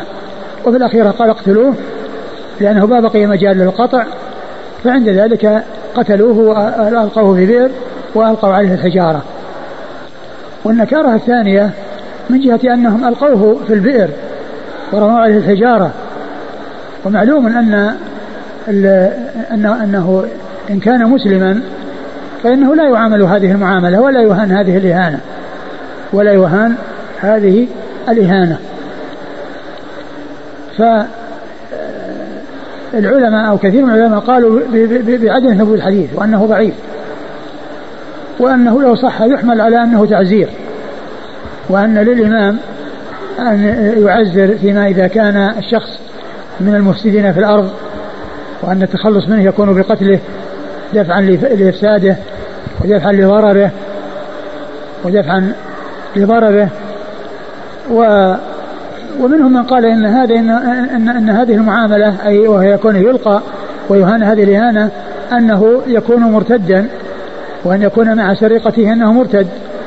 فيكون ذلك مثل ما حصل للعرانيين الذين ارتدوا ويعني سرقوا وأخذوا الإبل واستاقوا النعم وقتلوا الراعي ومثلوا به. فالنبي صلى الله عليه وسلم عاملهم تلك المعاملة. لكن يبقى الإشكال في قضية قوله اقتلوه ثم يقول إنما سرق فقال اقطعوه ثم في المرة الثانية ثم الثالثة ثم الرابعة وهكذا. ولهذا فالذي يبدو والله أعلم أن الحديث ضعيف.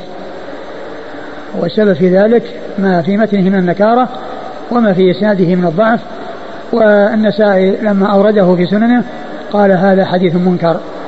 قال هذا حديث منكر. والألباني حسنه في سنن أبي داود. ولكنه في النسائي ما ذكره في الصحيحة وإنما ذكر الباب وفي ضعيف السنن النسائي ما ذكره.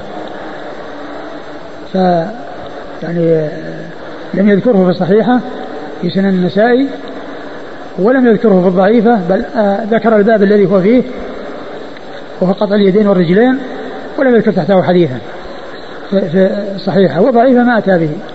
ما أتى به يعني فيها.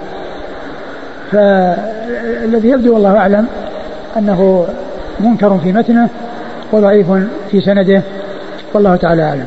نعم. قال حدثنا محمد بن عبد الله بن عبيد بن عقيل الهلالي. محمد بن عبيد الله محمد بن عبد الله بن عبيد بن عقيل الهلالي صدوق أخرج حديث أبو داود. والنسائي بن والنسائي بن ماجه. عن جده عبيد بن عقيل وهو صدوق أخرج له أبو داود. والنسائي. أبو داود النسائي. عن مصعب بن ثابت بن عبد الله. عن مصعب بن ثابت بن عبد الله هو لين الحديث. أخرج له أبو داود. والنسائي بن ماجه. والنسائي بن ماجه. عن محمد بن المنكدر. عن محمد بن المنكدر وهو ثقة. أخرج له أصحاب كتب الستة. عن جابر بن عبد الله رضي الله تعالى عنه وهو الصحابي الجليل. أحد السبعة المعروفين بكثرة الحديث عن النبي صلى الله عليه وسلم.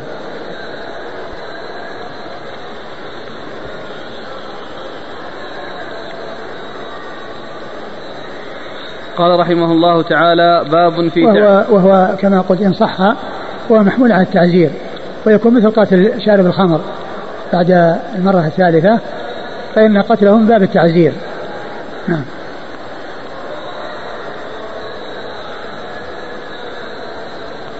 قال رحمه الله تعالى باب في تعليق يد السارق في عنقه. قال حدثنا قتيبة بن سعيد قال حدثنا عمر بن علي قال حدثنا الحجاج عن مكحول عن عبد الرحمن بن محيريز. قال سألنا فضالة بن عبيد رضي الله عنه عن تعليق اليد في العنق للسارق أمن السنة هو؟ قال أتي رسول الله صلى الله عليه وعلى آله وسلم بسارق فقطعت يده ثم أمر بها فعلقت في عنقه. ثم ورد أبو داود تعليق يد السارق في عنقه. هل يشرع أو لا يشرع؟ أورد أبو داود فيه حديثا ضعيفا آه، في أن عن فضالة بن فضالة بن عبيد رضي الله عنه أن النبي صلى الله عليه وسلم أتي بسارق فأمر بقطع يده ثم أمر بتعليق يده في عنقه. ومعلوم أن تعليقها في العنق من أجل الزجر والردع. ومعلوم أن مجرد رؤية اليد المقطوعة يكفي في الزجر والردع لا بالنسبة له ولا بالنسبة لغيره فهو بالنسبة له قطعت يده وخسر يده بسبب السرقة فذلك يكون سببا في عدم تكرار ذلك منه وغيره إذا رأى يده المقطوعة فإنه آه، يبتعد ويحذر أن يقع في السرقة حتى لا يعامل هذه المعاملة. ومعلوم أن هذه هذا يعني هذا هذه العلامة مستمرة وليست مؤقتة بخلاف تعليق اليد. فإن تعليق اليد إنما تعلق يعني يوم أو يومين وإلا فإنها تنتن ولا تبقى. ولكن هذا ولكن بقاء آه، آه، مشاهدة آه، اليد المقطوعة هذا مستمر. والمقصود يحصل به والزجر يحصل بمشاهدة تلك اليد التي قطعت. أما اليد التي بانت فكونها تعلق فتعليقها لو حصل لا يتجاوز يوم أو يومين وإلا فإنه ينتن فإنه ينتن ولا يعني يبقى لها لبقائها أثر. وإنما الأثر بهذا الشيء الدائم الذي فيه الزجر. ومعلوم كما عرفنا أن الحدود هي جوابر وزواجر. فهي جوابر للنقص الذي قد حصل من الذي أقيم عليه الحد فإنه لا يعاقب عليه في الآخرة وإنما يعاقب عليه في الدنيا بهذا الحد ويكفيه ذلك ولا يتكرر تكرر عليه العقوبة وزاجر أيضا له ولغيره فهو له لا يعود ولا يتكرر منه ذلك لئلا يزاد في عقوبته وغيره كذلك ينزجر حتى لا يعامل هذه المعاملة. قال عبد الرحمن بن محيريز سألنا فضالة بن عبيد عن تعليق اليد في العنق للسارق أمن السنة هو؟ قال أتي رسول الله صلى الله عليه وآله وسلم بسارق فقطعت يده ثم أمر بها فعلقت في عنقه. يعني أنه أنه لما سئل آه، فضالة بن عبيد هل ذلك من السنة ذكر الحديث وأن الرسول أمر بتعليقها بعنقه لكن الحديث ضعيف بسبب الحجاج بن أرطاه. نعم. قال حدثنا قتيبة بن سعيد. قتيبة بن سعيد بن جميل بن طريف البغلاني ثقة أخرج له أصحاب كتب الستة. عن عمر بن علي. عن عمر بن علي وهو صدوق خرج البخاري في المفرد ومسلم وأبو داود. صدوق خرج البخاري في المفرد ومسلم وأبو داود والترمذي والنسائي. والترمذي والنسائي. عن الحجاج. الحجاج بن أبطات وهو صدوق سيء. كثير الخطأ والتدليس. كثير الخطأ والتدليس. وهنا وهنا يعني مع كونه كثير الخطأ هو روى بالعنعنة. وحديثه أخرجه مسلم البخاري تعليقا. الأدب المفرد ومسلم. البخاري الأدب المفرد ومسلم وأصحاب السنن عن مكحول. عن مكحول وهو الشامي وهو أيضا آآ آآ ثقة. نعم. ثقة يرسل كثيرا كثير الإرسال. وهذا أيضا في وقد روى بالعنعنة فهذه أيضا علة أخرى. نعم. أخرج البخاري جزء القراءة ومسلم وأصحاب السنن. أخرج البخاري جزء القراءة ومسلم وأصحاب السنن. عن عبد الرحمن بن محيريز. عن عبد الرحمن بن محيريز وهو ثقة. ولد على عهد النبي صلى الله عليه وسلم أخرج له أصحاب السنن. آه، أخرج له أصحاب السنن نعم. عن فضالة بن عبيد. عن فضالة بن عبيد رضي الله عنه وهو صحابي أخرج البخاري في جزء القراءة ومسلم وأصحاب السنن.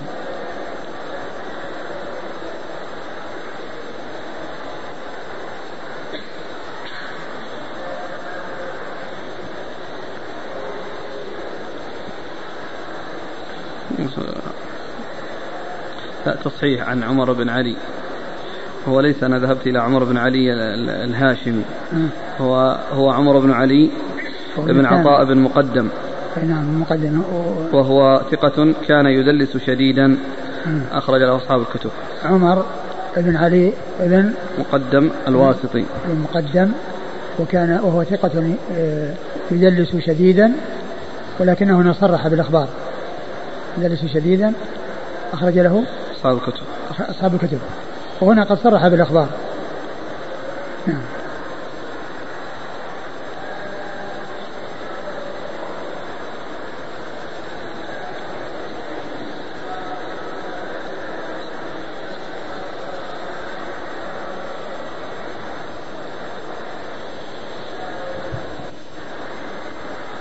قال رحمه الله تعالى باب بيع المملوك إذا سرق.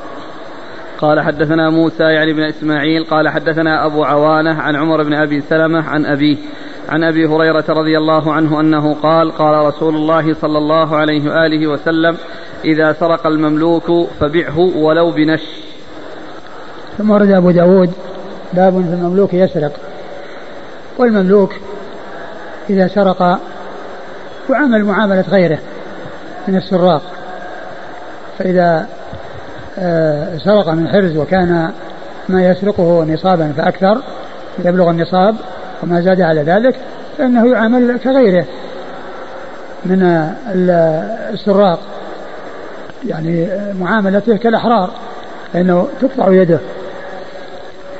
وأورد أبو داود رحمه الله حديث أبي هريرة. أبي هريرة رضي الله عنه أن النبي صلى الله عليه وسلم قال إذا سرق المملوك فبعه ولو بنش. إذا سرق المملوك فبعه ولو بنش.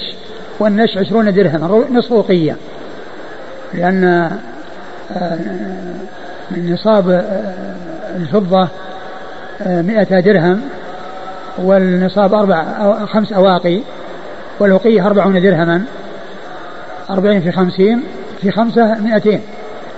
يعني ويقال لنصف الأوقية نش وهي عشرون درهما.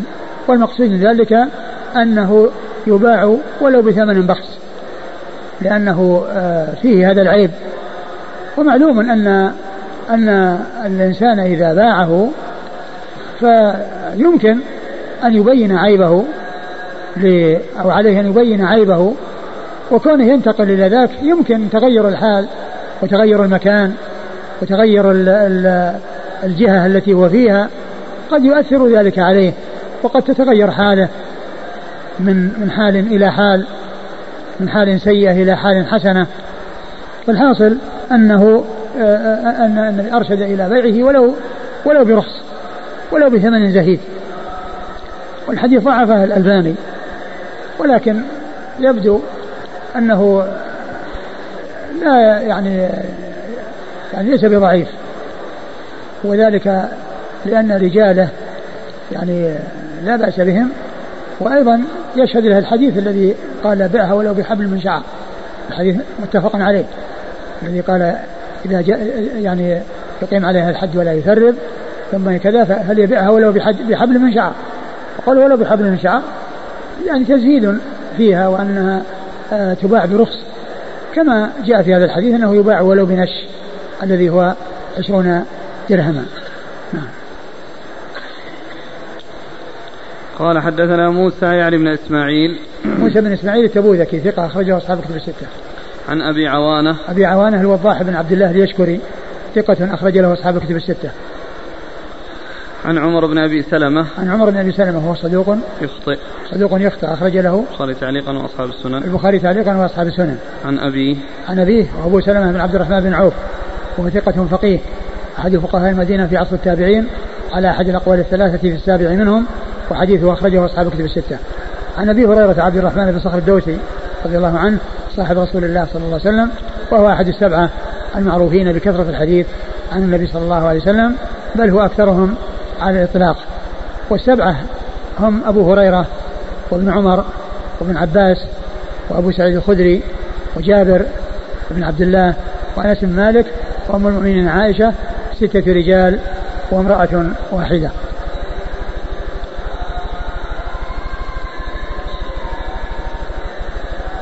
ما يعني ما يعني ذكر شيء في إعلانه.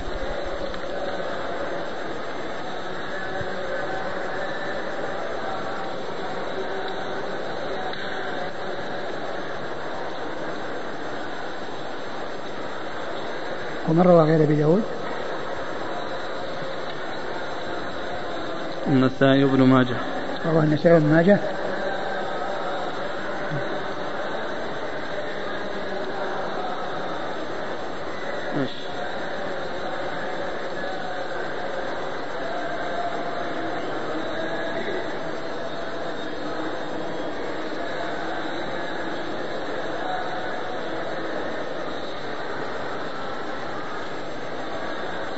يعني الكلام على عمر بن أبي سلمة لأنه تضعيف يعني من قبل أهل العلم. إذا أخذنا بس بكلمة الحافظ هو الذي يمشي الحديث أما إذا أخذنا نظرنا في كلام المتقدمين فإن فيه تضعيف. بس فيه هذا الحديث الذي قال بيعها ولو بحبل من شعر يعني بمعنى.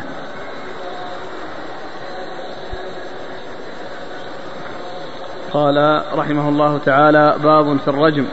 قال حدثنا أحمد بن محمد بن ثابت المروزي قال حدثني علي بن الحسين عن أبيه عن يزيد النحوي عن عكرمة عن ابن عباس رضي الله عنهما أنه قال واللاتي يأتين الفاحشة من نسائكم فاستشهدوا عليهن أربعة منكم فإن شهدوا فأمسكوهن في البيوت حتى يتوفاهن الموت أو يجعل الله لهن سبيلا. وذكر الرجل بعد وذكر الرجل وذكر. وذكر الرجل بعد المرأة ثم جمعهما فقال واللذان يأتيانها منكم فآذوهما فإن تابا وأصلحا فأعرضوا عنهما. فنسخ ذلك بآية الجلد فقال الزانية والزاني فاجلدوا كل واحد منهما مئة جلدة. ثم ورد أبو داود باب في الرجم. والرجم يكون للمحصن وهو الذي قد تزوج وحصل الفائدة عن طريق حلال ثم بعد ذلك يقع في الحرام.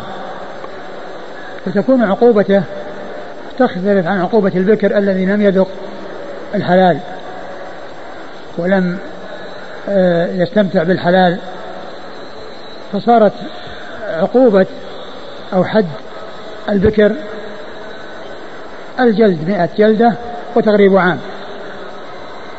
وأما من كان محصنا وكان ثيبا سواء كان رجل أو امرأة فإنه وكذلك البكر سواء كان رجلا أو امرأة فإنه يرجم.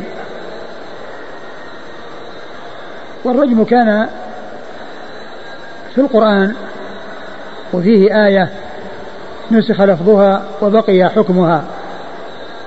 نسخ لفظها وبقي حكمها نسخت تلاوتها وبقي حكمها. وهي الشيخ والشيخة إذا زنيا فاجلدوهما البتة. نكالا من الله والله عزيز حكيم. وقد جاء بيان أن هذه الآية كانت كانت موجودة وأنها نسخت. وجاء أيضا عن رسول الله صلى الله عليه وسلم الرجم في أحاديث كثيرة. كما رجم ماعزا والغامدية وكما وكما حصل في قصة صاحب العسيف الذي فيه قال أنه قال سألت أهل العلم فأخبروني أن ما على ابني جلد مئة وتغريب عام وعلى على امرأة هذا الرجم. ثم في آخر الحديث قال وغدوا يا أنيس إلى امرأة هذا فإن اعترفت فارجمها. فالرجم جاء في حديث كثيرة ثابتة عن رسول الله صلى الله عليه وسلم. وكذلك جاء في الحديث الذي فيه إضافة الجلد. إلى الرجم في حديث عبادة بن الصامت الثيب بالثيب جلد مئة جلد البكر بالبكر جلد مئة وتغريب عام والثيب بالثيب آه، الرجم والجلد أو جلد مئة. فقد جاء الرجم في أحاديث كثيرة ثابتة عن رسول الله صلى الله عليه وسلم وجاء في القرآن مما بقي حكمه ونسخت تلاوته. ومعلوم أن التلاوة والحكم القسمة رباعية. قد ينسخ الحكم والتلاوة وينسخ الحكم دون التلاوة وتنسخ التلاوة دون الحكم ثلاثية. يعني ينسخ الحكم والتلاوة معا وينسخ التلاوة دون الحكم والحكم دون التلاوة. والمثال والذي معنا هو شاهد لنسخ التلاوة دون الحكم. الحكم موجود والرجم ثابت ومستقر والتلاوة منسوخة. عكسها اللي هو آه، نسخ التلاوة نسخ الحكم مع بقاء التلاوة. آه، قصة اعتداد المتوفى المتوفى عن أزواجهن سنة فإنها نسخت بالاعتداد بأربعة أشهر وعشر. وأما نسخ الاثنين اللي هو الحكم والتلاوة فذلك في خمس في العشر الرضعات التي جاءت في الحديث. كان فيما أنزل عشر رضعات معلومات يحرمنا فنسخنا بخمس معلومات. فإن الخمس المعلومات هي يعني منسوخة التلاوة بقية الحكم. ونسخ العشر, منسوخة التلاوة والحكم والعشر رضعات أو التحريم بعشر رضعات منسوخ التلاوة هو الحكم. وأما الخمس رضعات منسوخة التلاوة دون الحكم. منسوخة التلاوة دون الحكم. وهذا الذي معناه هو من جنس الخمس رضعات نسخ التلاوة مع بقاء الحكم. آه، أورد أبو داود حديث ابن عباس أن النبي صلى الله عليه وسلم قال في قوله واللذان يأتيانها منكم فآذوهما فإن تابا وأصلحا فأعرضوا عنهما. واللذان يأتيانها منكم. ثم قال نسختها آية النور الزاني هو الزاني. وذلك أنه جاء في بعض الأحاديث آه، كما جاء في آه، في هذه الآيات حتى فأمسكون في الود حتى يتوفاهم الموت أو يجعل الله لهن سبيلا. فقد جاء بيان ذلك في السنة وأن الله تعالى قد جعل لهن السبيل وبين ذلك رسول الله صلى الله عليه وسلم بحصول الجلد والرجم كما جاء في حديث عبادة بن الصامت والجلد والنفي وتغريب سنة. آه، في حق آه، البكر أقرأ المتن عن ابن عباس رضي الله عنهما قال واللاتي يأتين الفاحشة من نسائكم فاستشهدوا عليهن أربعة منكم. الفاحشة يعني الزنا والعياذ بالله. فاستشهدوا عليهن أربعة منكم يعني إنه لابد من أربع شهود لثبوت الزنا. ولا يكفي شاهد أو شاهدين أو ثلاثة بل لابد من أربعة. وأن يكون ذلك زنا.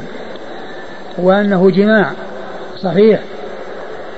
فلا يكفي في ذلك شيء دون هذا وذلك لخطورة هذه الجريمة ويعني صعوبتها ولهذا جاءت الشريعة باشتراط هؤلاء الشهود الأربعة الذين يشهدون ليثبت في ذلك حد الزنا سواء أو الاعتراف إذا حصل إذا ما حصل اعتراف وكما سيأتي في حديث عمر رضي الله عنه فيما يتعلق بالاعتراف والحبل وال وال والشهود. نعم. واللاتي يأتين الفاحشة من نسائكم فاستشهدوا عليهن أربعة منكم فإن شهدوا فأمسكوهن في البيوت حتى يتوفاهن الموت أو يجعل الله لهن سبيلا. يعني هذه الآية في بيان النساء لأنها جاءت في يعني حكم النساء اللاتي يأتين الفاحشة منكم فاستشهدوا عليهن منكم فإن شهدوا فأمسكوهن في البيوت حتى يتوفاهن الموت أو يجعل الله لهن سبيلا. ثم أتى بالحكم الذي يشمل الرجال والنساء يشمل الرجال والنساء في قوله ولذان يأتين منكم فآذوهما. نعم. وذكر الرجل بعد المرأة ثم جمعهما فقال الرجل ما له ذكر منصوص عليه كما نص على النساء ولكنه ذكر بعد ذلك الجمع. والرجل يعني ذكر فيما يتعلق بالجمع وأما في حال الإفراد فإنه ليس المذكور لأنه جاء ذكر النساء ثم جاء ذكر الجمع وهو الرجال والنساء حيث قال واللذان يأتيانها منكم يعني من الرجال والنساء.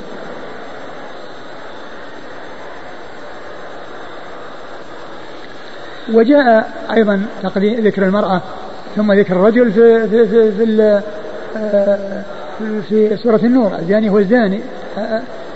الزانية والزاني فجدوا كل واحد منهم. يعني ذكرت الزانية ثم ذكر الزاني.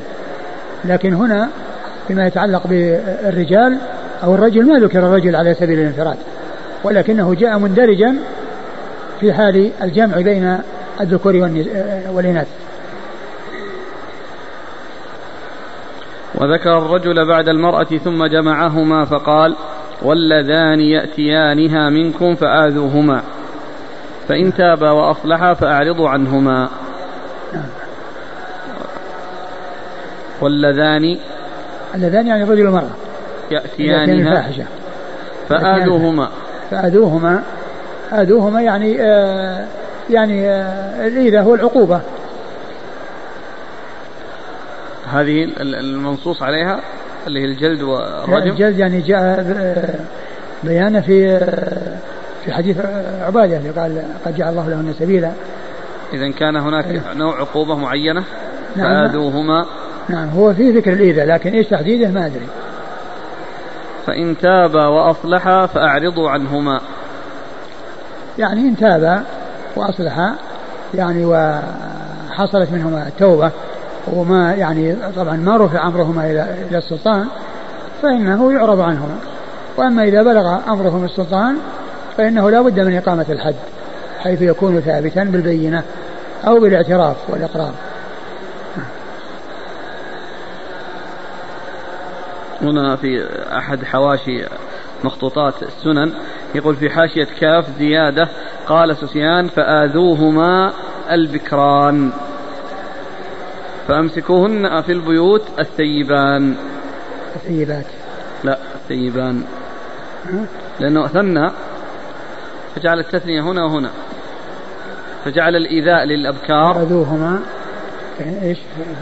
قال سفيان فآذوهما لا لا, لا لا. الآية جاية في النساء كما ذكرتم لكن التفسير.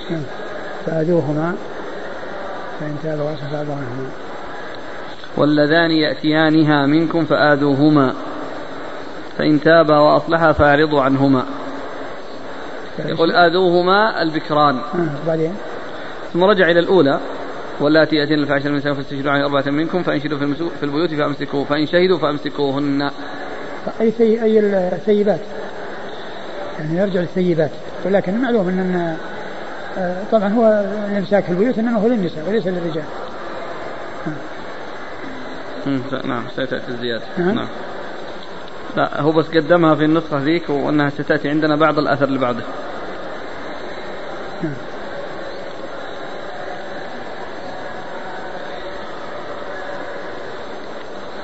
قال فنسخ ذلك بآية الجلد فقال الزانية والزاني فاجلدوا كل واحد منهما مئة جلدة. وهذا في حق البكرين. هذا في حق البكرين. يجلد منهما كل جلدة كما جاء في القرآن ويغرب كما جاء في السنة. قال حدثنا أحمد بن محمد بن ثابت المروزي. أحمد بن محمد بن ثابت المروزي ثقة أخرج حديثه أبو داود. عن علي بن الحسين عن علي بن الحسين بن واقد وهو صدوق يهم أخرج حديث البخاري آه تعليقا. البخاري المفرد ومسلم في المقدمة وأصحاب البخاري في المفرد ومسلم في المقدمة وأصحاب السنن.